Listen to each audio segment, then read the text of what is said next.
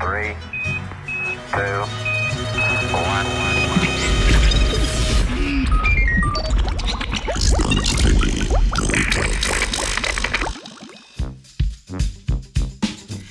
Populacije ljudi, ki živijo na območju Mongolije v Severni Aziji, so imele pomembno vlogo pri oblikovanju kulturne in genetske sestave sodobne Eurazije.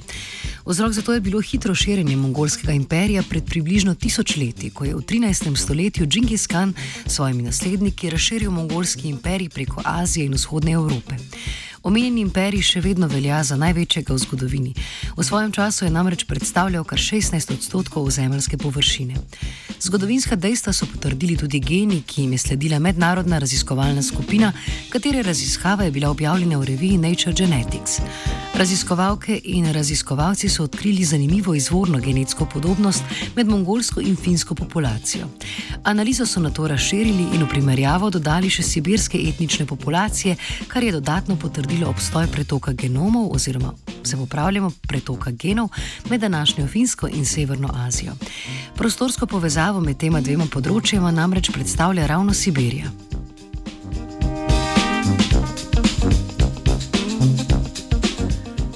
Sodelujoči v raziskavi so zbrali 175 genomov ljudi iz šestih regij, kjer živijo pretežno mongolske etnične skupine. S tem so močno prispevali k razširitvi baze podatkov o genetski raznolikosti ljudi, saj je bilo do omenjene raziskave podatkov z tega območja bolj malo. Po postopku določanja zaporedja DNK so izvedli genetske analize in tako so z medsebojno primerjavo vzorcev ugotovili, da so si mongolske etnične skupine izrazito genetsko različne. Primerjave z drugimi skupinami iz baze podatkov pa so pokazale, da je genetska raznolikost znotraj mongolske populacije mnogo večja od raznolikosti med populacijami vzhodne Azije. Ohranjanje genetske pestrosti po vsej verjetnosti lahko pripišemo nomadskemu načinu življenja severnoazijskih ljudstev.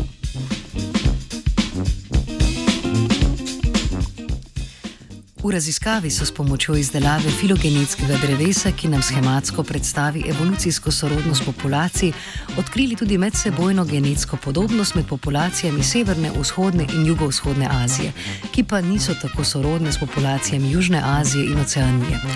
Zanimivo je, da je bila sibirska populacija prepoznana kot skupina, ki naj bi bila vsem vključenim populacijam najbolj sorodna.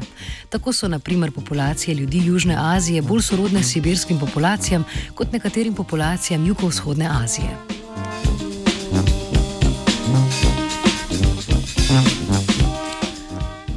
Na genetsko potovanje je za vas odšla vajenka Laura.